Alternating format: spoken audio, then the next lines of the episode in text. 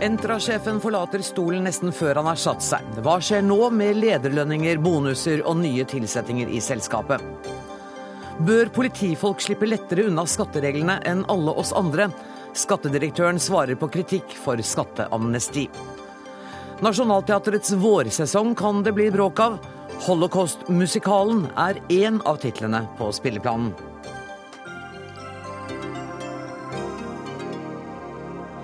Dette er hovedsakene i Dagsnytt 18 denne torsdagen, der vi også skal høre at Liv Signe Navarsete i ettermiddag gjorde det klart at hun vil stille til gjenvalg som partileder for Senterpartiet. Men først. Det har blåst kraftig rundt næringsminister Trond Giske den seneste tiden. Han er beskyldt for kameraderi og surr i Entra-saken. Settestatsråd Solhjell sparket styremedlemmer mandag, mens administrerende direktør og Giskes venn Rune Olsø trakk seg fra stillingen sin i går kveld. Vel og bra, men det er fremdeles ubesvarte spørsmål, sier Høyres Jan Tore Sanner. Og næringsminister Trond Giske, var det et nederlag for deg at deler av styret som du var med på å oppnevne, måtte gå sist mandag? Det er aldri bra at et styre som er oppnevnt, ikke klarer å samarbeide, ikke klarer å håndtere de prosessene som de skal eh, ha ansvaret for på en ordentlig måte. Eh, så Det får vi lære av å gjøre en enda bedre jobb eh, når vi skal oppnevne styrer i framtida. Men stort sett så går det jo veldig bra med de fleste styrer i de statlige selskapene. Mm. Allerede i april ba du Lovavdelingen om en habilitetsvurdering i spørsmål knyttet til din venn Rune Olsø. Styret ble underrettet først i august, og det var ikke noen settestatsråd på plass før langt ute i, i, eh, i oktober. Hva var grunnen til det?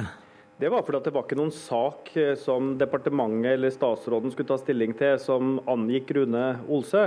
Eh, det å ansette en daglig leder i et selskap, det står det veldig klart både i aksjeloven og i selskapenes vedtekter. Det er det styret som suverent bestemmer. Hvis vi hadde begynt å blande oss borti det eh, fra politisk hold, så hadde det blitt en, eh, en skandalesak uten eh, sidestykke. Og da hadde opposisjonen i hvert fall vært på krigstiden. Det tror jeg vi helt sikkert kan slå fast. Men, men det var jo sånn at det måtte en settestatsråd på plass uansett? Ja, det skjedde etter det styremøtet hvor den ansettelsen ble gjennomført, og hvor prosessen da gikk så gærent. Da kom styreleder til oss og sa at dette ikke kunne fortsette. Da måtte vi håndtere som eier de store samarbeidsproblemene i styret etter det vedtaket. Eh, det er ikke sikkert at jeg hadde vært inhabil i det, men siden konflikten i så stor grad dreide seg om ansettelsen, så valgte vi å få en settestatsråd på plass, slik at eh, det var Bård Vegar Solhjell som håndterte det. Men de konfliktene som var i styret, de kom jo ikke fykende på ei fjøl den dagen det styremøtet var. Det hadde jo vært konflikter tidligere knytta til nettopp ansettelsen av, eh, av Rune Olsø. Så kunne du ikke vært føre var her? Nei. Det kunne vi absolutt ikke vært, fordi eh, det er styret som har suveren rett til å bestemme daglig leder. Eh, hvis vi hadde oppnevnt en settestatsråd for å blande seg inn i en ansettelsesprosess, så hadde det vært å bryte med den ansvarsfordelinga som er mellom eier og styre. Eh, det kan jo tenke seg, Hvis det var for å påvirke i motsatt retning, da, at at vi skulle sikre at Rune Olsø ble tilsatt. Det hadde vært akkurat like ille. Dette hadde vært en innblanding fra eier som eh, Stortinget hadde slått hardt ned på, og med god grunn. Mm. Eh, skifte litt tema. Det er du som næringsminister som i praksis har eneansvaret for oppnevnelsen av Entra-styret. Hvem var det som fremmet Ketil Fjæringens kandidatur? Ja, det er ikke sånn at Vi innhenter nominasjoner fra ulike hold når vi utvelger styrer. Vi vurderer i løpet av en vår flere hundre navn som vi Eh, ser etter kompetansen hos for å finne folk som fyller ut styrene med bredest mulig kompetanse. Juridisk, økonomisk, industriell kompetanse, internasjonalt, eh, ledelse, organisasjonserfaring osv. Var han ditt forslag, da? Altså Alle dem som blir valgt til et styre hvor vi er eneeier og, og er generalforsamling, er jo mine valg. Ja, til slutt, eh. men, men hvor kommer forslaget fra? Hvem var det som la det navnet på bordet for deg? Nei, Det er prosesser som er ganske brede og som ikke vi kommenterer i detalj. Vi kommenterer egentlig ikke heller enkeltstyremedlemmer. Det viktigste for oss er å få en eh, bredde. Men det å, bare for å si det, det å lage en konspirasjonsteori om at styret i vår Eh, ble laga for å få en bestemt daglig leder, det er en ganske vill spekulasjon. For Den eneste nye som kom inn i styret i vår, det var styrelederen. Og Det skal være ganske åpenbart at den styrelederen ikke akkurat har kjempa for Rune Olsøs kandidatur. Og så er det dette med lønn, da. Eh, Entra har vært lønnsledende på feltet, stikk i strid med din og regjeringens ønske om å dempe lederlønningene i de statlige selskapene. Hva gjør du? Altså, Feila du? Var du ikke tydelig nok i beskjeden? Entra er jo et selskap som har ligget høyt i lederlønninga veldig lenge, også før jeg kom inn i næringsministerstolen. og Stortinget ba jo Entra, eh, som et av eh, selskapene eh, de mente måtte følges med på, å forklare seg for kontrollkomiteen i fjor vår. Nå har det ikke vært en lønnsvekst i Entra siden den gangen, men at de har et veldig høyt nivå, det har jo både statsministeren slått fast og Stortinget vært kritisk til. Så det er et selskap som vi følger med på. Ja, er det alt du kan gjøre? Følge med? Nei. Det eh, vi kan gjøre, det er for det første å kommunisere statens retningslinjer for lederlønn veldig tydelig. I august innkalte vi eh, styrelederne i 20 selskaper, Entra inkludert, eh, for å gå gjennom lederlønnsutviklinga, for å spesifisere retningslinjene. Og for også å varsle at eh, vi kommer til å bruke et nytt virkemiddel hvis ikke vi får respons hos styrene. og Det er å bytte ut styrer og styrer, styremedlemmer som ikke følger de retningslinjene som vi har lagt opp. og Det er det sterkeste virkemiddelet vi har. Hjalp det møtet? Ja, Nå har det ikke vært noen mange eh, lønnsoppgjør for ledere etter august. Eh, så vi får se når lederlønnene reforhandles igjen da til våren, om budskapet er mottatt. Og så får vi ta konsekvensen av det hvis de ikke forstår budskapet nå heller.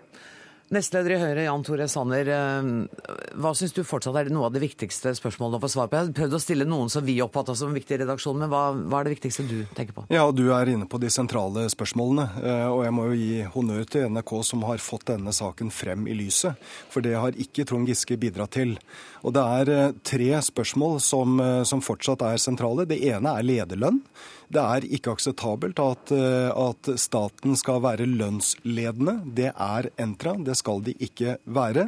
Og det er påtagelig at Arbeiderpartiet og næringsministeren nærmest har sittet stille i båten i denne saken fordi det handlet om en venn av Trond Giske.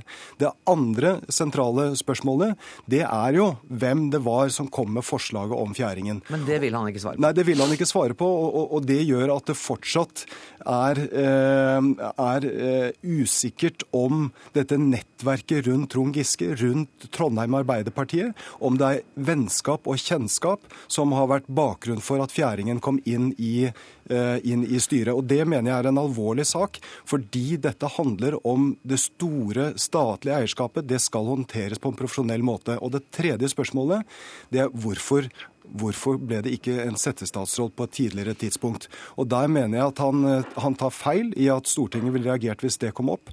Fordi det har fremkommet opplysninger om at eh, eier er blitt informert om bråket i styret. Eh, og i den sammenheng så burde det vært oppnevnt en settestatsråd, for ellers kan det skapes et inntrykk av at Trond Giske har gitt en stille aksept av den prosessen som førte til at Olsø ble kuppet inn som ny sjef i Entra.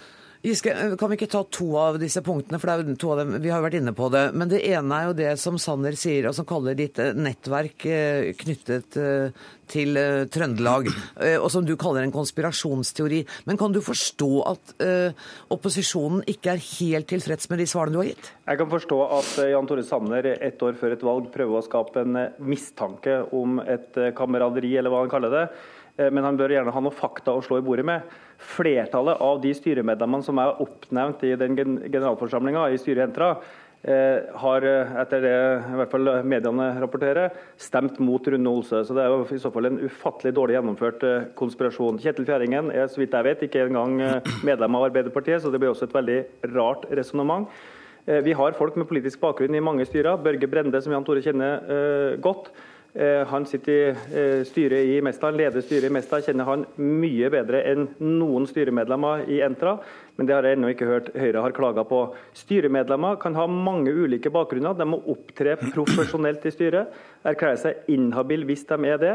Eh, men, men, å lage en konspirasjon når det eneste nye styremedlemmet i vår var styreleder Siri Hatlen, det er, det er, så vilt at, eh, at, eh, Jeg skjønner at man bruker det i en valgkamp, men det, som, det blir ikke mer sant av det. Og når det du valgkamp her, Sanner? Nei, på ingen måte. Jeg er opptatt av det statlige eierskapet. Vi har et stort statlig eierskap i Norge, og det kommer vi fortsatt til, å ha. Men en viktig forutsetning er at det er profesjonalitet. Og det er jo ikke første gang Trond Giske er i bråk når det gjelder utøvelsen av det statlige eierskapet. Eh, og la meg bare si at det er jo ikke, er jo ikke bare Høyre og opposisjonen som har reist denne saken. NRK har gjort et meget godt gravearbeid og fått frem fakta. Fakta som Trond Giske ikke har vært villig til å, å få frem. De, alle de store mediehusene har på lederplass brukt sterke ord om håndteringen. Det har vært brukt eh, ord som, eh, eh, som nettverkskorrupsjon, kameraderi. Det er mange, også i næringslivet, som har brukt langt sterkere ord enn det vi har gjort fra opposisjonens side. Vi er opptatt av å få fakta på bordet fordi det handler om utøvelsen av det statlige eierskapet. Da må jeg slippe til Trine Skei Grande, som sitter tålmodig på Stortinget. Hvordan vurderer du og Venstre statsrådens takling av denne saken? Nei, Det er jo underlig å merke seg at man har en statsråd som vaser rundt med et eller annet. Det kommer opp i media, og så setter man en settestatsråd, så tar det tre dager, og så er det ordna opp. Eh, det viser at, eh, at hvert fall Bård Jørgen Solhjell vet å gjøre jobben sin når han får beskjed om å gjøre det. Problemet er jo at denne regjeringa eh, dummer seg ut, for å si det enkelt, på habilitet gang på gang på gang. Det er liksom ikke første gangen det blir reist spørsmål med dette. Vi har en hel rekke med ganger der man ser at man eh, ikke har god nok fingersviskefyll når det gjelder eh, habilitet. Og vi ser at man har, at over tid bygger opp en kultur der man stadig flere kan stille spørsmålstegn med hvordan man bygger opp styrer, hvordan man bygger opp makta rundt Arbeiderpartiet. Eh, og jeg syns at vi får inn innblikk i, i kulturer som, som, tyder på at man kanskje har sittet med makta litt for lenge, og at man ikke skjønner fort når man skal ordne opp. Sånn som jeg syns Bård Vegar skal ha kred for å ha gjort. Mm. Giske, tar du til deg noe av denne kritikken som kommer fra opposisjonen? Jeg tror jeg har fått den samme kritikken gange 100 eh, hvis vi hadde begynt å blande oss bort i ansettelsesprosessen. I vinter eh, så var opposisjonen på krigsstien fordi vi formidla et budskap til Telenor om at Stortinget ikke ønska at TV 2 skulle selges ut av landet. Mediehus burde være på norske hender. Ikke instruksjon, ikke eh, en ordre, men en beskjed. Da blanda vi oss for mye inn, men der hadde altså Stortinget en mening. Her følger det av aksjeloven og selskapets vedtekter at det er styret som suverent bestemmer hvem som er daglig leder. Da mener Stortinget at vi burde ha oppretta en settestatsråd for å blande oss inn i prosessen. Det er, det er en, det, men det er ikke noen tvil så til de grader i døra. Så, så statsråden mener også at det Bård Vegar Solhjell gjorde, var feil? Nei, men det som skjedde, var at vi fikk et styrevedtak. Eh, en prosess som hadde gått eh, gærent. Eh, styreleder kom til oss. Vi måtte håndtere som eier den håpløse ja, situasjonen. Jeg må få snakke ferdig og bare høre hva Bård Vegar Solhjell også sier. Han legger seg heller ikke opp i ansettelsesprosessen. Han rydder opp i et styre som har gjennomført et vedtak som gikk helt gærent. Men da er det Sanner som får siste ordet ja. i denne debatten nå. Settestatsråd kom på plass etter at saken ble offentlig kjent. Mm. Den kom ikke på plass som etter et initiativ fra, fra styreleder mot, mot, eier. Det var etter at saken ble offentlig kjent, og det skaper et inntrykk av at man har ønsket at dette ikke skulle komme til overflaten. Jeg får en følelse av at vi ikke er helt ferdig med denne saken, selv om vi måtte sette strek i Dagsnytt 18 i dag. Takk for at dere kom, Trond Giske, Jan Tore Sanner og Trine Skei Grande. Kyrre Nakke, politisk redaktør her i NRK. Hvordan eh, syns du Trond Giske svarer for seg i denne saken? Trond Giske er jo ikke dårlig til å svare for seg, eh, og han peker på noen prinsipielle sider som han har rett i. Altså, han som eier skal ikke gå inn og ansette. Men han klarer ikke å svare på det som er det viktige spørsmålet. Hvorfor tok det så lang tid før det kom en settestatsråd? Hvorfor lot man det bare skure og gå? Eh, var det fordi man syntes at eh, det resultatet som kom dit, altså at Olsø kunne bli sittende, at det var et resultat man kunne leve med? Det vet ikke jeg. Det vet ikke offentligheten, men det ble hengende der når man, når man måtte hasteinnkalle til et, et eget statsråd for å sette en settestatsråd etter at vi hadde tatt opp saken. Og da hadde man kjent den lenge før det. Nå, nå sier Giske at det Jan Tore Sanner og opposisjonen driver med, er valgkamp. Det er bare et år til valg, og at de benytter anledningen. Er det et snev av sannhet i det? Ja, Det skulle bare mangle om ikke opposisjonen prøver å arrestere regjeringen når den gjør feil, og det er, er noe som, som, ikke foregår på riktig måte. Eh, vi kan ikke si at det har foregått noe ulovligheter, at Trond Giske har gjort noe galt. Men, men rotet rundt Entra-styret, det er man enig om at det har vært rotete, det har vært en dårlig prosess. Man har ikke klart å bli enig i styret. Og det er jo staten som eier som også har et ansvar. Så det har vært unaturlig om ikke opposisjonen benyttet seg av det. Og så Spørsmålet er, som man, som man stiller seg som velger, da, ville det vært mye bedre med et annet parti eh, i, i regjeringskontorene? Vel, det det, det, det, er nok øynene som ser, og, og hvilket parti man stemmer på, som, som vil avgjøre mye hva man uh, føler der. Har, har denne saken svekket Trond Giske? Ja, Den har svekket Giske, men han er ikke nede på knærne på noen som helst måte. Men alt som smaker av skal vi si, inhabilitet og, og rot og kokkelimunke. Eh, det rammer regjeringa for øyeblikket, fordi vi har hatt så mange andre saker før. Og så er det slik at Når man sitter med makten veldig lenge, så vil mange prøve å tilpasse seg makta. Så det er ikke alltid at man har intensjonen selv, at man vet hvorfor eh, ting blir som det blir. At, det, at alle som er inhabile, eller som ligger opp mot inhabilitet, plutselig sitter i disse situasjonene. For det kan være slik at organisasjoner, eh, selskaper osv. henter personer som har kjennskap til de som sitter med makt. Mm. Og, og dermed så oppstår inhabiliteten. Så det trenger ikke være styrt ovenfra. Det kan være at det er styrt fra mange, mange sektorer. Men, men situasjonen oppstår, problemene oppstår, og det er opp til Arbeiderpartiet og regjeringen å takle dem. Og de har det ikke gjort bra det siste halvåret. Hvordan er forholdet mellom statsministeren og Trond Giske for tida, tror du? Altså, Det har jo aldri vært nært. Uh, og det har aldri vært uh, veldig stor fortrolighet. Men Trond Giske er jo kjent for å være en dyktig og effektiv politiker, og det setter jo Jens Stoltenberg pris på. Uh, så denne saken så, så du at det, var først når Stoltenberg at når det kom mye eh, mediestøy, så reagerte Stoltenberg og fikk ryddet opp. Og Jeg tror nok ikke tilliten til, til Giske økte med denne saken, men eh, det er langt ifra at han må gå som næringsminister. Han, han sitter trygt i stolen. Takk skal du ha, politisk redaktør her i NRK, Kyrre Nakke. Hør Dagsnytt 18 når du vil, på nettradio eller som podkast. nrk.no – dagsnytt 18. Fredsforhandlingene mellom FARC og den colombianske regjeringen startet offisielt i Oslo i dag. Og det er det norske utenriksdepartementet som tilrettelegger forhandlingene sammen med Cuba. Utenriksminister Espen Barth Eide, det er et historisk sus over denne dagen. Hva slags forhandlinger er det man går inn i nå? Dette var definitivt en viktig dag, fordi vi har fått partene sammen. Vi har fått dem til å sette seg ned med hverandre for første gang mellom de offisielle delegasjonene nå i i Norge i, i går og i dag. Og de har altså møtt sammen på en pressekonferanse og lagt fram et kommuniké eh, som uttrykker en klar vilje til å gå inn i mer detaljerte forhandlinger med sikte på fred.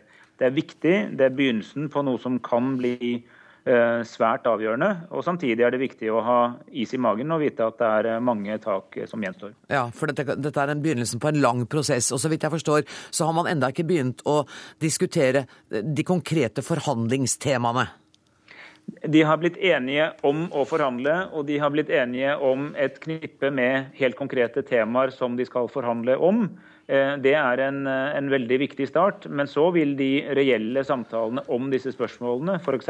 det svært krevende spørsmål om eh, jordrettigheter, komme i, i, i neste fase av forhandlingene. Og, og, det neste forhandlingsmøtet vil finne sted på Cuba. Det er jo slik at Norge og Cuba samarbeider nært om å tilrettelegge denne prosessen, støttet opp av Chile og Venezuela. Men for sivilbefolkningen er jo noe av det viktigste at krigshandlingene skal slutte. Og nå sendte Reuters ut en melding i ettermiddag om at det er ingen eh, som kommer til å inngå noe våpenhvile nå. Eh, det kommer til å fortsette som tidligere. Er du skuffet over det? Nei, Det har ligget i kortene eh, hele veien at eh, det ikke her har vært snakk om en våpenhvile. Det er basert på partenes eh, tidligere erfaring fra forsøk på å inngå våpenhvile først. og Det har for så vidt vært kommunisert tydelig fra begge parter at de, de starter nå forhandlinger uten at det foreligger en våpenhvile i utgangspunktet. Så det, det er ingen nyhet i og for seg, og, og det var vi klar over hele veien. Hva betyr det for Norge at uh, man får være en del av disse forhandlingene, og at begynnelsen av dem legges til Oslo eller utenfor Oslo? Ja, jeg vil sterkt understreke at vi ikke forhandler. Nei. Det er det partene som gjør, ja. Colombia og FARC. Vi er tilrettelegger, tilrettelegger ja. slik vi har vært i flere andre prosesser. Og det er vi fordi partene har bedt oss om det. Ja. det men, men betyr det noe for Norge? Vi mener at det er riktig som en ansvarlig et ansvarlig medlem av verdenssamfunnet å eh, si ja når vi føler at vi har ressurser og anledning til å være tilrettelegger. Eh, det er partene som har kommet til Norge og bedt oss ta den rollen, basert på tidligere erfaringer. Eh, og da gjør vi det. Men betyr det, det noe for Norge? Ja, det er det jeg sier nå. at Det mener jeg er riktig å gjøre. og, og Eh, og vi gjør det fordi vi mener og, ønsker å være en, eh, en, seriøs eh, deltaker i det internasjonale samfunn. Men det er jo ikke noe vi gjør for Norges skyld. Regjeringen i Colombia sier at de er optimistiske og håper å få til en varig fredsavtale med FARC. Hvordan vurderer du mulighetene? Jeg møtte begge forhandlingsdelegasjonene i går kveld, eh, der hvor vi har hatt dem samlet, og hadde gode samtaler med dem hver for seg. Eh, og fikk et meget klart inntrykk av at begge partene har kommet med den intensjonen å arbeide seg fram til reelle konklusjoner, til reell fred. Eh, samtidig er det ingen tvil om at de står langt fra hverandre på disse konkrete spørsmålene. Så jeg tror vi skal være optimistiske i den forstand at dette skal vi håpe at fungerer. Og så skal vi være realistiske eh, basert på mange års erfaring i mange prosesser. At både de som lykkes og de som ikke lykkes, vil ha vanskelige perioder underveis når partene setter seg ned med de konkrete enkeltspørsmålene. Og Det er eh, noe jeg også eh, nevnte for begge delegasjoner. Men så sa jeg også til dem at jeg ba dem la seg inspirere av visjonen av at de sitter om noen år og ser tilbake på en vellykket prosess, og hvilken rolle de da har spilt i å få slutt på en nesten 50-årig konflikt, og at de skal la den visjonen prege arbeidet fremfor den løpende eh, mulige irritasjonen med motpartens siste utspill. Da sier jeg tusen takk for at du var med i Dagsnytt 18, utenriksminister Espen Barth Eide. Jeg vet at du har andre avtaler som vi allerede har eh, gjort deg forsinket til. Kristian Berg Harpeviken, du er direktør for Institutt for fredsforskning, PRIO. Eh, jeg prøvde å spørre utenriksministeren hva dette betyr for Norge. Hva betyr dagen i dag for Norges status som fredsnasjon? Nei, det er klart det betyr, det betyr, veldig mye. Og det å være en ledende nasjon ved siden av Cuba i å initiere disse fredsforhandlingene, som veldig mange andre land har forsøkt å få i gang nå gjennom den siste tiårsperioden, etter at eh, de forrige forsøkene stranda i 2002, de er kjempeviktig.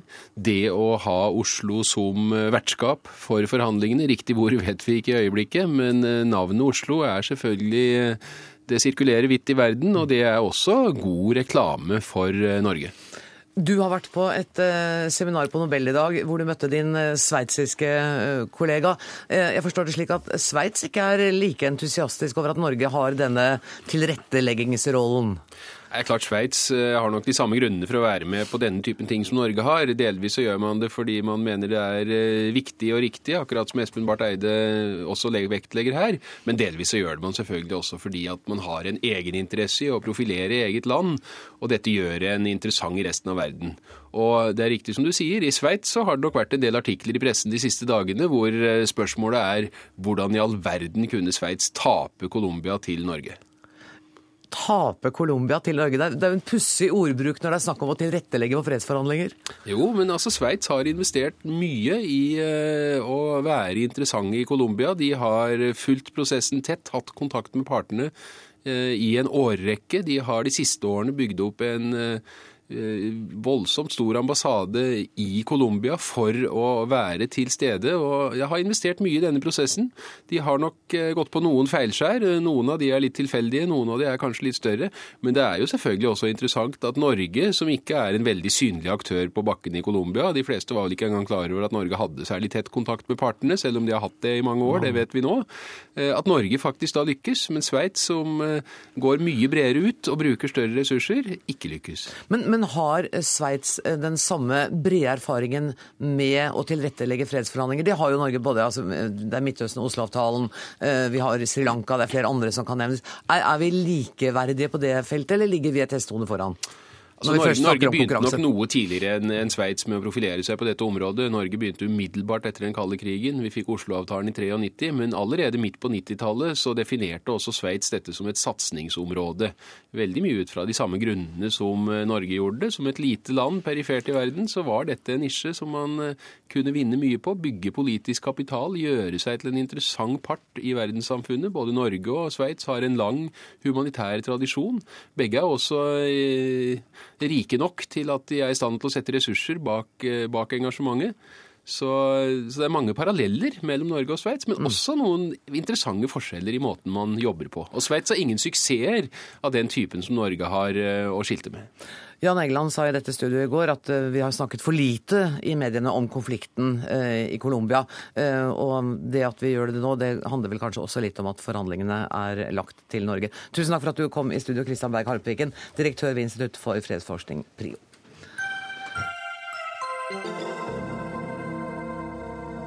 Etter en uke med debatt om lederstilen hennes, sa Liv Signe Navarsete i ettermiddag at hun tar gjenvalg som partileder for Senterpartiet. Det skjedde i Stockholm under innspillingen av underholdningsprogrammet Skavlan. Og Magnus Takvam, politisk kommentator der i NRK, var du overrasket over det, egentlig? Nei, jeg må innrømme jeg var ikke det. Men det er klart det har eh, oppstått en eh, debatt i mediene på bakgrunn av den uttalelsen hun kom med her om dagen, da hun ikke ville svare helt eh, bastant på om hun eh, stiller om igjen til partileder. Og det måtte hun avslutte. altså Ellers så var det lett for at det skulle bli en etablert sannhet at hun var veldig usikker, og at eh, alle mulige andre kandidater kom på banen osv. Så, videre. så hun måtte svare nå. Og det har vært litt uro i grasrota. Vi har jo hørt enkelte ordførere si at de vil ha Ola Borten Moe. Er dette nå et forsøk på å konsolidere partiet? Ja, det er klart det er et forsøk på å få i hvert fall den mulige konfliktsaken vekk. Det er jo eh, ødeleggende dersom det kommer en partilederstrid på toppen av alt mulig annet som, eh, som Senterpartiet har slitt med.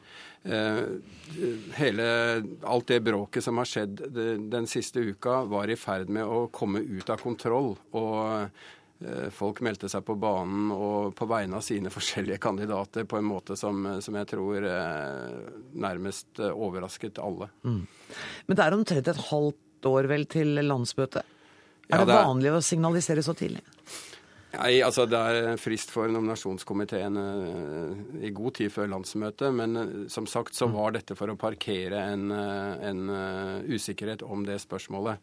Eh, men det er klart at med det forspillet vi har hatt her, så, så vil hun bli fulgt nøye. Det er, det er, eh, skal vi si, store spenninger internt i Senterpartiet. Det har jo dette, disse dagene avslørt mellom trøndelagsmiljøet rundt Ola Borten Moe og osv. og, og eh, eh, Liv Signe Navarsete. Og partiet er ikke så stort at uh, de har råd til å miste den ene av, av fløyene sine. Hvor oppsiktsvekkende er uroen omkring eh, Borten Moes rådgiver Ivar Vigdenes? Jeg, er, eh, jeg tror alle syns det er ganske oppsiktsvekkende at det blir en åpen strid mellom da også leder og nestleder i et parti om å beholde sin eh, nærmeste politiske rådgiver. Eh, nå hevder Navarsete riktignok at det var en avtale allerede da Borten Moe ble statsråd om at Vigdenes, som han heter Ivar Vigdenes, mm. skulle etter hvert ut av forskjellige grunner med kabaler og sånn, men det er man uenig om. Men altså at man stiller faktisk ultimatum og sier eh, presser du Ivar Vigdenes ut, så går også jeg ut av regjering, som Borten Moe her har gjort. Så så spiller man uh, høyt, da. Har han, har han, sagt dette offentlig nå? Jeg har ikke fått med meg det. Han har sagt at han Nei, han har jo ikke sagt det offentlig, men uh, det er noe som jeg er sikker på faktisk har skjedd. Og han skrev jo, eller sa i avisen her for noen dager siden, at han, også i Dagens Næringsliv på mandag var det vel, at han mente Vigdenes var en viktig rådgiver for han. Han var flink, og han ville beholde ham. Så han gikk jo åpent ut og på en måte da også indirekte stilte et ultimatum. Og det gjorde det veldig vanskelig for Navarsete, fordi mange ville se det slik da at hvis hun ikke eh, sparket han, så viste hun seg som en svak leder og lot Borten Moe bestemme. Så. Helt til slutt, Magnus Akvam. Er det noen som kommer til å utfordre henne på, eh, som eh, lederkandidat på landsmøtet? Jeg tror ikke det, slik situasjonen er nå. Eh, en del eh, er spent på om Borten Moe eh, tar gjenvalg som nestleder. Teoretisk, dersom han ikke skulle gjøre det, så kan det hende at hans grasrot liksom reagerer og eh, mobiliserer i redsel for å miste Borten Moe for partiet. Men etter det jeg forstår, så er han faktisk innstilt på å stille som nestleder. Og i så fall så tror jeg de, de velger Liv Signe Navarsete. Men gjør hun et elendig valg, så kan saken komme på dagsorden rett etter valget igjen. Takk for at du kom i studio, eh, politisk kommentator her i NRK, Magnus Takvam.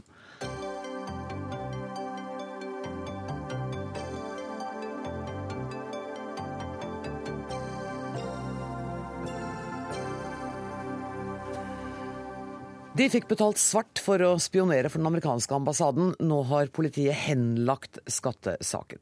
For dagen etter at TV 2 i 2010 avslørte at pensjonerte polititopper spionerte for den amerikanske ambassaden og fikk lønna betalt svart, gikk åtte av dem til Skatt øst og ba om skatteamnesti. Skatt øst ga blankt avslag og anmeldte, avslag og anmeldte saken til politiet. Mens Østfold-politiet etterforsker saken, så ble den flyttet fra Skatt øst til Skatt sør. Og dermed kunne ikke Skatt øst anke, da politiet da henla saken de hadde anmeldt. Dette er komplisert. Skattedirektør Svein Christensen, hjertelig velkommen til Dagsnytt 18. Men er det i hovedtrekk grovt sett riktig det jeg sa nå? Grovt sett er det riktig. Og det som er, det som er viktig her, er at eh, det er ingen som har fått noe skatteamnesti her. Betyr, og skatteamnesti betyr ikke at du ikke skal betale skatten din, og kanskje også tilleggsskatt. Ok, Det er det ingen som har fått. Men det er, det er, riktig at saken var i Skatt øst og ble flyttet til Skatt sør. Det er riktig. Det har noen av dine medarbeidere vært offentlig ute og uh, reagert ganske kraftig på. Det er riktig også, og grunnen til at vi gjorde det, var at vi fikk en henvendelse fra advokaten for disse skattyterne, som uttrykte mistillit til saksbehandlingen i Skatt øst. Vi kunne ikke se at Skatt øst var å klandre i denne saken, og, men allikevel så valgte vi å flytte saken til et annet skattekontor, fordi vi ønsket ikke at uh, sånne saksmessige innsigelser skulle dominere skattesaken, men at det er innholdet i skattesaken som skulle få oppmerksomheten. Men hadde jeg vært uh, saksbehandler i Skatt øst, så ville jeg jo tatt det som et mistillit fra sjefen min at den saken jeg sitter og behandler, har han ikke tillit til, han flytter den til Skatt sør. Nå er det slik at vi flytter mellom 200 og 400 saker hvert år mellom skattekontorer. De aller fleste av disse flyttingene blir foretatt av skattekontorene sjøl. Hvor ofte får dere eksterne henvendelser fra advokater som ber dere gjøre dette? Det er veldig sjelden at Skattedirektoratet gjør det. Men eh, det er ikke uvanlig at, eh, at eh, skattyternes hjelpere, advokater eller andre, tar opp denne type ting med skattekontorene hvis det er grunnlag for det. Og, dere, og det er ikke alltid det er grunnlag heller. Men dere føyer dem allikevel. Du syns ikke det var grunnlag, for det var ikke noen grunn til mistillit overfor Skattøst, men allikevel gjorde det som advokaten sa. For, for Skattedirektoratet var det viktig, og for meg er det viktig, at eh, vi har en god dialog med, med skattyterne og deres hjelpere. Mm. Og hvis denne type mistillit, eller uttrykk for mistillit, får dominere i dialogen mellom oss og skattyterne, så er det svært uheldig. Så vi, eh, uten at vi hadde noen grunn til å, å klandre Skatt øst, så fant vi ut at det, det var riktig å, å, overføre disse sakene. Og det er, er også meddelt uh, Skatt øst. Ok, Og så uh, har altså politiet henlagt saken. Dere kunne jo, Jeg skjønner at det er to spor her. Det er liksom det skatteadministrative og det er en politisak. Men dere kunne jo ha anket den henleggelsen? Vi kunne pålagt, påklaget henleggelsen, ja. men vi valgte å, å, behandle saken etter de reglene som regelverket som skatteetaten sjøl håndterer håndterer, og som vi har kontroll over. Og det er å vurdere hvor mye skatt skal disse betale. Rentene som det påløper de, de ti årene de ikke har oppgitt uh, inntekten. Og det blir også vurdert selvfølgelig individuelt om noen skal ha tilleggsskatt. Okay. Så ingen det, av dem får amnesti? Ingen av disse åtte politifolkene får skatteamnesti? Det er nå til vurdering i Skatt sør. Og det, inn, det inngår i den vurderingen som, som nå skattekontoret gjør. Men det er slik at, at uh, våre sanksjonsmuligheter de uh, svir ofte like mye som en dom i, eh, i, slike saker. Jo, Det skjønner jeg. Og I redegjørelsen som, sendt, som, dere har sendt til finansministeren, så står det jo bl.a. hovedvilkåret for å komme inn under amnestiet er at rettingen ikke er fremkalt ved kontrolltiltak fra skattemyndighetens side, eller at skattemyndigheten har fått opplysninger fra andre, f.eks. gjennom media. Sånn at hvis jeg jobber svart det blir avslørt av Dagsrevyen, og jeg søker om skatteamnesti, så kommer jeg etter hovedregelen ikke inn under regelen for amnesti. Sånn som du uttrykker det, i ditt tilfelle så vil det være en dårlig sak å komme til skatteetaten og be om amnesti på. Men det var akkurat det som skjedde, var det ikke det? Denne saken ble offentliggjort i TV 2. Dagen etter at den var offentliggjort, går åtte politifolk og ber om amnesti. Men nå spør du meg om innholdet i skattesaken. Jeg har ikke på noe tidspunkt vært involvert i selve saksbehandlingen av saken. Det eneste jeg har vært involvert i, er faktisk spørsmålet om hvor skulle saken behandles. Men vi er enige om hva hovedregelen sier her? Hovedregelen for, for, for hva som vi kan slippe igjennom som eh, frivillig retning, retning er, har du referert riktig. Ja. Eh, da må jeg bare også tillegge at vi selvfølgelig har invitert kollegene våre fra TV 2 til å komme og delta i studio, men det hadde de ikke tid til. Petter Gottschalk, du er professor ved Handelshøyskolen BI og forfatter av en rekke bøker om økonomisk kriminalitet. Hvordan fremstår denne saken for deg? Nei, Det er jo riktig, sånn som skattedirektøren redegjør for situasjonen. altså at uh, På den ene siden så har ikke skatt vurdert om det skal ilegges straffeskatt. Og så har politiet henlagt eh, straffesaken i betydningen fengsel. Men, men, det er jo merkelig. altså Skatteetaten fremstår jo helt merkelig her. altså På den ene siden har du Christensen, og så har du hans nesten navnebror, som heter Kristiansen, som er sjef for Skattekrim. Og er det en som er aktivt ute og slår hardt ned på ting i media og snakker om enkeltsaker, så er det jo skattekrimsjefen i, i, i Skatt øst. Og så driver da skattedirektøren selv og skriver at nei, det er taushetsbelagt. ikke sant? Det er jo det er jo ganske, ganske, påfallende hvem av dem er det som, som fronter dette. Mm. Og, og, ekspertisen på dette området sitter jo i Skatt øst. Mm. Skattekrim øst er jo kjempedyktige. Skattekrim sør skal jeg ikke uttale meg om, men, men, det er opplagt rart at det flyttes. At det flyttes. Men det det noen, Kan man stille noen spørsmål ved den amerikanske ambassaden? Jeg forstår at ambassaden kan man ikke gjøre noen ting med. Men de eh, leier altså inn lokalt ansatte polititjenestemenn skulle ikke de ha innberettet de inntektene til norske skattemyndigheter? da? Altså Hele denne agentsaken, som, som den kalles, eh, er jo blitt håndtert merkelig helt fra starten av. Da, da, man mente at Spesialenheten for politisaker skulle se på dette, så fant man ut at Spesialenheten i Norge den beskjeftiger seg bare med politifolk som gjør det gærent i tjenesten.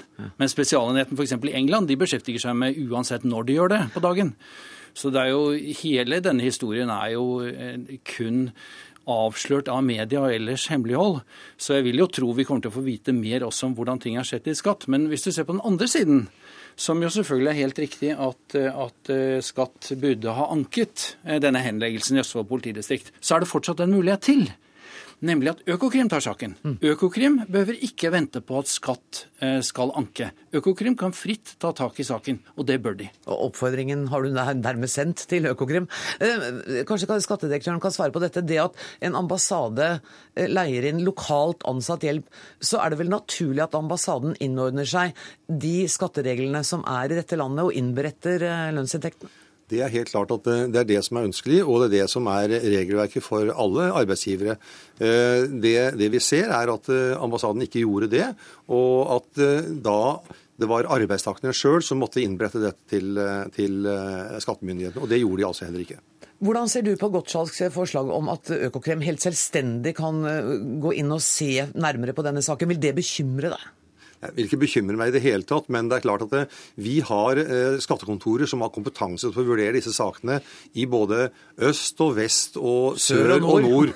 Eh, det er jo ikke slik at eh, denne saken i seg selv er veldig komplisert. Det som har vært utfordringen, er faktisk å få fram fakta i saken.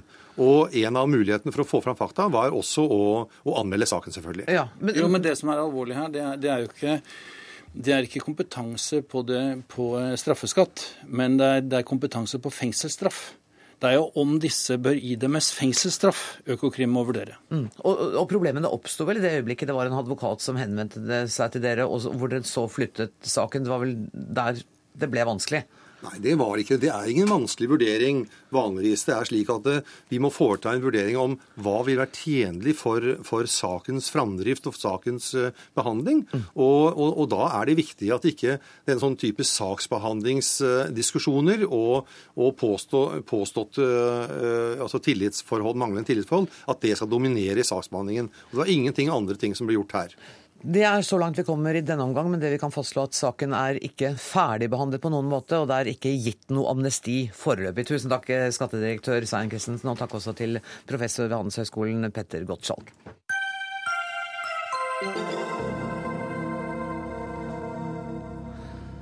Hvis du ikke helt vet hva navnene Spekter eller Virke står for, eller hva forkortelsene FNO eller NRC står for, ja, så er du altså ikke alene.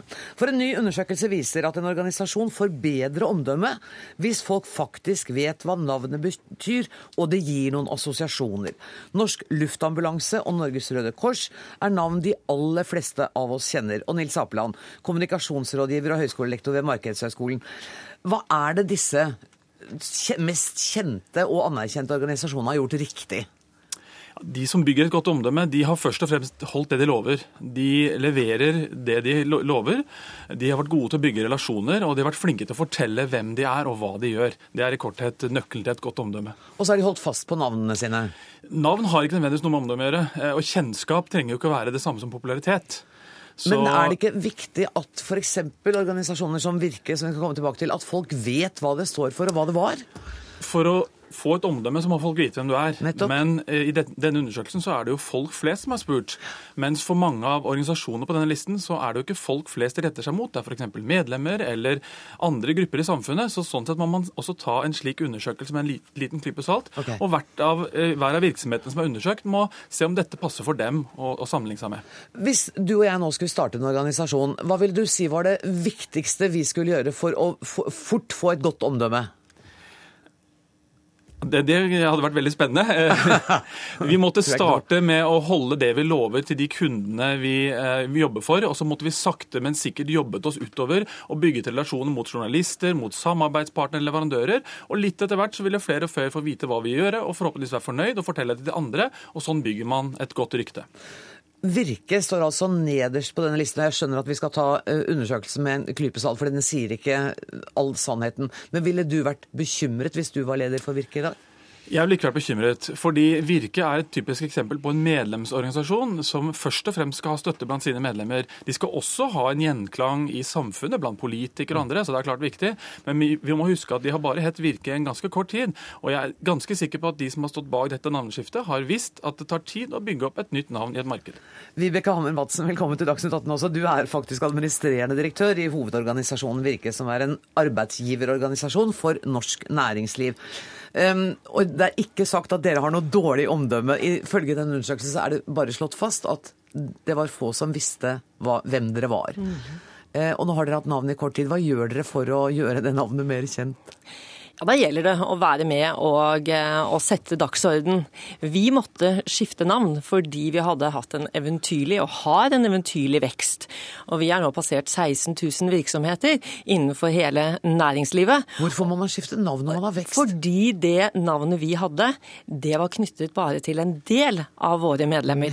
Så medlemmene krevde at vi skulle ha et navn som gjorde at alle følte seg del av det. Og vi har en veldig eventyrlighet når det gjelder medlemstilfredshet, og det betyr utrolig mye. Og så er jeg jo ganske stolt over å være her i dag og sitte og se at blant virksomhetene på topp i denne undersøkelsene, ja, så er det medlemsbedrifter. Her finner du Frelsesarmeen, mm. her finner du Turistforeningen, Kreftforeningen og flere. De bruker virkekompetansen. Mm. De er skikkelig gode. Og sånn burde det være.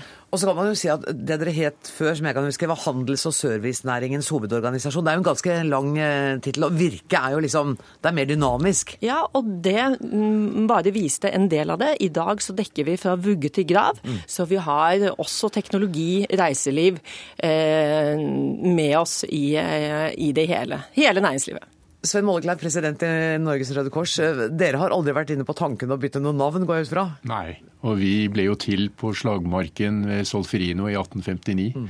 Og initiativet eh, som nettopp var å gi beskyttelse og gi hjelp, eh, ble etablert så tidlig som i 1863. Og jeg må bare si at vi er utrolig takknemlige eh, på vegne av alle de som trenger vår beskyttelse og vår støtte og vår hjelp, for at vi har tillit. For tillit er en forutsetning for å ha tilgang og en forutsetning for at vi skal kunne hjelpe. Og Det er jo det Apeland sier, at du må gjøre det du lover medlemmene dine at du skal gjøre. Ja, og Derfor så dreier det seg om hver eneste dag i Norge, gjennom vår 41 000 aktive mennesker som hver dag møter andre mennesker, rekker ut hånden, låner bort øret sitt, er ute og hjelper, er ute og støtter.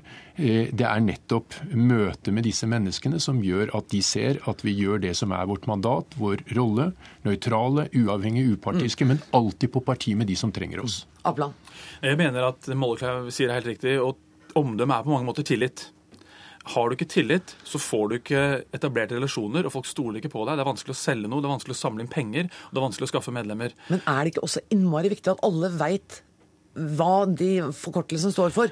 Det er jo en fordel liksom å jobbe i NRK når du ringer ja, til folk. Men hvis du tar den listen som står i avisen i dag, så er det også svært mange statlige offentlige virksomheter. Og det kan helt klart diskuteres om det er rett at de skal jobbe for synlighet. Et departement eller et direktorat eller et tilsyn f.eks. bør ikke bruke for mye penger på å bli kjent og populære blant folk flest. De bør først og fremst gjøre jobben sin godt, slik at de som trenger den etatens eller direktorat eller tilsynets tjenester, er tilfreds. Så det er noen nyanser her. Alle kan ikke løpe rundt og, og, og lage reklamekampanjer og bli kjent hos hos alle, det, det er ikke riktig. Og det er ikke bekymringsfullt om ikke alle vet hva alle, alle departementsforkortelser står for heller? Jeg mener at de virksomhetene som står på den listen i dag, og alle store virksomheter, bør spørre seg selv har vi det omdømmet vi ønsker å ha og fortjener i de gruppene som vi trenger støtte fra. Eh, og For et børsnotert selskap så trenger de støtte fra aksjonærene og media og andre. For en medlemsorganisasjon så er det medlemmene, så man må være litt edruelig når man ser på den typen lister mm. og se er det de vi trenger støtte fra. Og jeg vil helt klart si at eh, Norsk Luftambulanse og Unicef og Norges Røde Kors og de andre de trenger definitivt folks tillit. For kommer det en person på døra med bøsse, og du tenker nei, disse tror jeg ikke gir pengene til de de lover, ja, da har du et problem. Mm. Så For dem er det kjempeviktig, for andre er det mindre viktig. Vibeke Madsen, du ba om ordet. Ja, øh, jeg, jeg, er jo helt enig med det du sier. Det gjelder også for det å være en medlemsorganisasjon. Og vi er mindre kjent nå fordi vi har skiftet et navn, men vi har et godt omdømme. Og det er jo mye bedre enn å ha en høy kjennskap, men et dårlig rykte. Og jeg er ganske sikker på, med litt mer tid, så vil også vårt navn bli mer kjent. Det er iallfall godt kjent fra de mange 16 000 som er fornøyd med Virke, og det kommer flere nye hver uke. Og vi har bidratt i kveld. Ja, tusen takk. ja, bare også huske på at Røde Kors og Røde Halvmåne er de eneste beskyttelsessymboler verden har. Mm. Det er altså hele verdenssamfunnet som har gitt oss i mandat å være der for dem som trenger oss. Og, og det... dette verdens største plusstegn mm. eh, skal ha tillit, og alle våre frivillige må gjøre seg fortjent til denne tilliten hver eneste dag. Så vi er ydmyke for at vi må stå på hver dag for å få tillit. Og det, og det skjønner jeg, og det gjør jo dere i en litt spesiell situasjon, men det er jo allikevel ikke sånn, da. Uh, som dere sier, at man har jo en sånn tendens til å si at all PR er god PR. Men dårlig, å ha dårlig omdømme, det er ikke like bra som å ha godt omdømme. Der er det, det er viktigere å husker at det var en sirkusdirektør i USA som sa all PR er god PR. Ja, og... Men vi holder jo på med det enda. Ja, men hadde det vært sant, så hadde f.eks. våre fremste kriminelle vært styrtrike. Så mm. det er ikke riktig. Eh, en organisasjon må søke den oppmerksomheten den trenger, og den støtten den trenger hos de menneskene den er avhengig støtte av.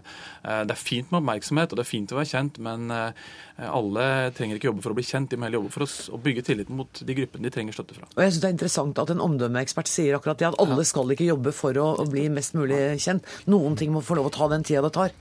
Det er viktig å være kjent med de målgruppene. For oss er det viktig å være kjent hos politikerne i Norge, media og ikke minst våre nære samarbeidspartnere og alle de næringslivslederne som vi organiserer. Vi er nær på våre bedrifter hver eneste dag, og det må vi fortsette å være for å kunne være så, eh, ha fornøyde medlemmer. Og der fikk altså Vibeke Madsen fra Virke siste ordet i denne samtalen. Tusen takk for at dere kom hit, Nils Apland, Stein Molgleiv og altså Vibeke Madsen.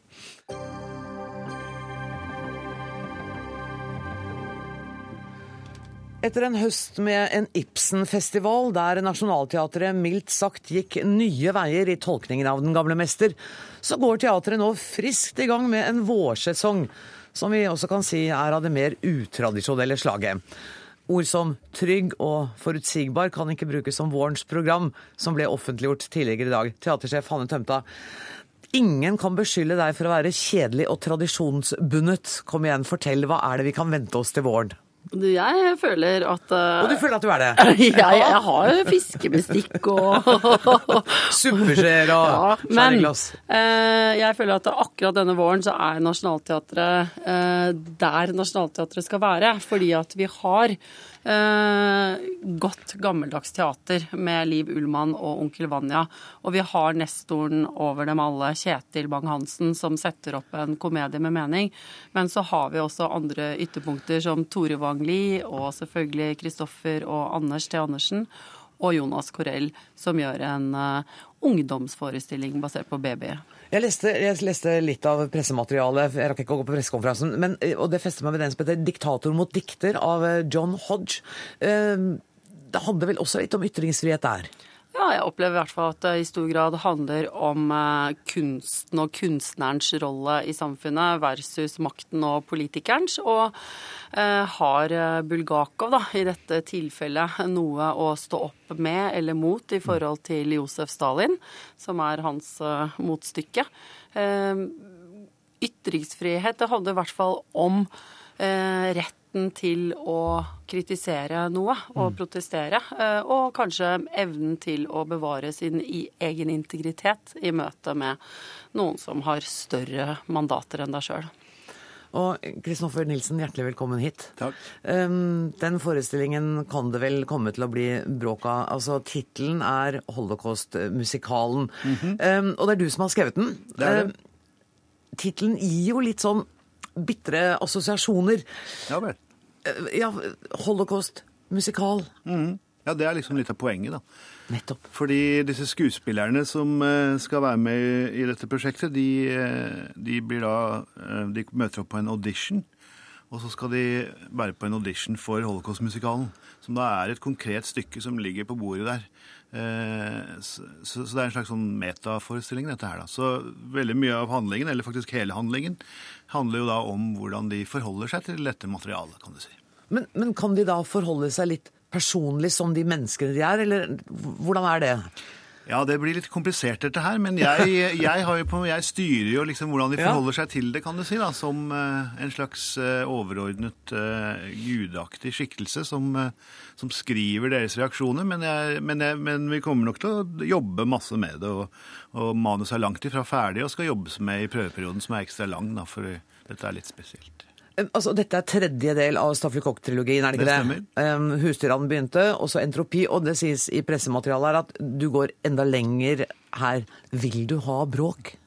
Eh, jeg har vært på Høstutstillingen i år, og da fikk jeg vite av en annen deltaker i programmet, Espen Barth Eide, at kunsten skal provosere. Hvis ikke så er det noe gærent med kunsten.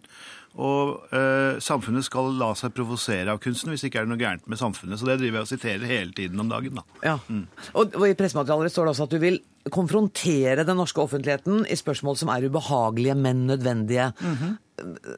Et eksempel på et sånt spørsmål?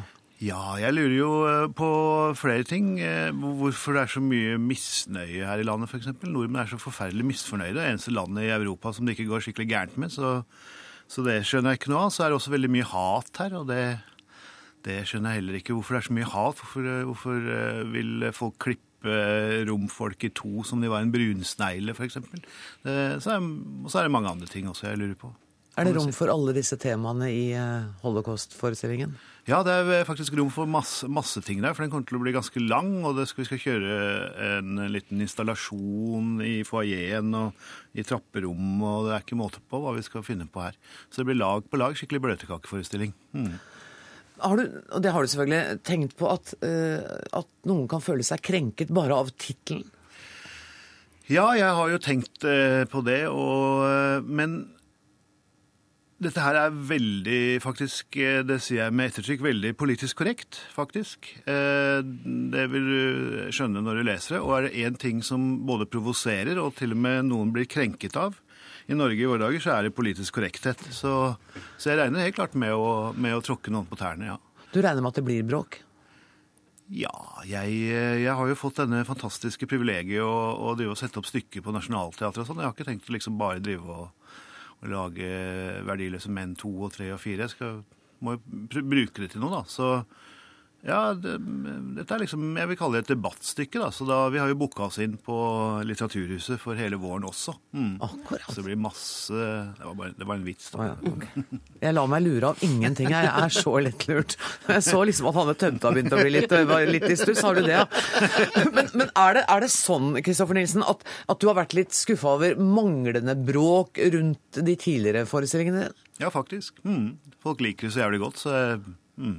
jeg blir litt skuffet hver gang. Du blir egentlig mest fornøyd hvis jeg går og ser denne forestillingen og hater det? Eh, det er vanskelig å si Altså, hate det, men altså eh, Altså, De kunstnerne jeg eh, respekterer og beundrer, er jo kunstnere som, eh, som nærmest ble steina ikke sant? når, når uh, han med våroffere, han uh, Stravinskij. Stravinskij satte opp våroffere første gang, så, så gikk jo publikum helt amok. Under, eh, når man, Dada kom på banen, så ble jo folk virkelig så provosert at de rev kunsten ned av veggene og sånn. Eh, og så videre og så. Så, men det skjer jo ikke lenger, da. Men, eh, for nå har vi liksom bestemt oss for at kunst må være provoserende, og, og, rundt middagsselskapene, rundt omkring i middagsselskapene så lar vi oss provosere, liksom. Som om det er noe vi har bestemt oss for. Det blir litt sånn der meningsløst. Jeg prøver å Ja, jeg vil jo liksom ja, jeg syns det er så kjedelig at Det er så mye glatthet. Det er så mye som er glatt og, og uh, innholdsløst og Ja. Og når provokasjonen blir en del av etiketten rundt middagsbordet, da melder ja, du deg ut? Ja, nettopp. Da blir det jo litt sånn, så ja. Og likegyldighet er jo kunstens verste fiende, Hanne Tømta.